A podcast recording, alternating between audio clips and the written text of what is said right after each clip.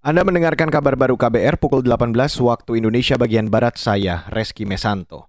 Saudara pemerintah menyebut tiga aspek yang harus dipenuhi dalam proses pembangunan ibu kota negara atau IKN Nusantara, yakni aspek perencanaan, pelaksanaan hingga regulasi.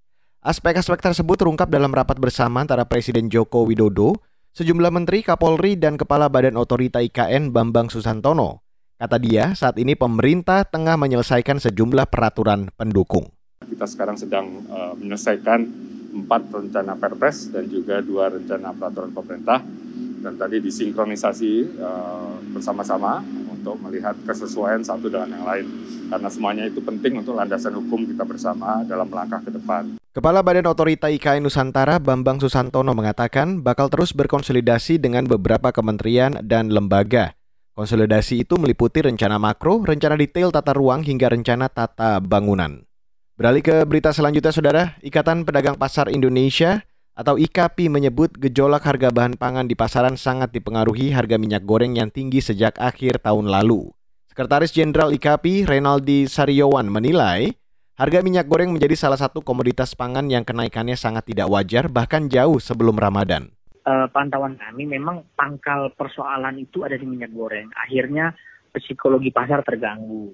Beberapa hmm. komoditas akhirnya naik karena memang minyak goreng ini kan menjadi kebutuhan primer bagi masyarakat kita karena e, hampir 2,4 juta kiloliter itu konsumsi rumah tangga untuk minyak goreng.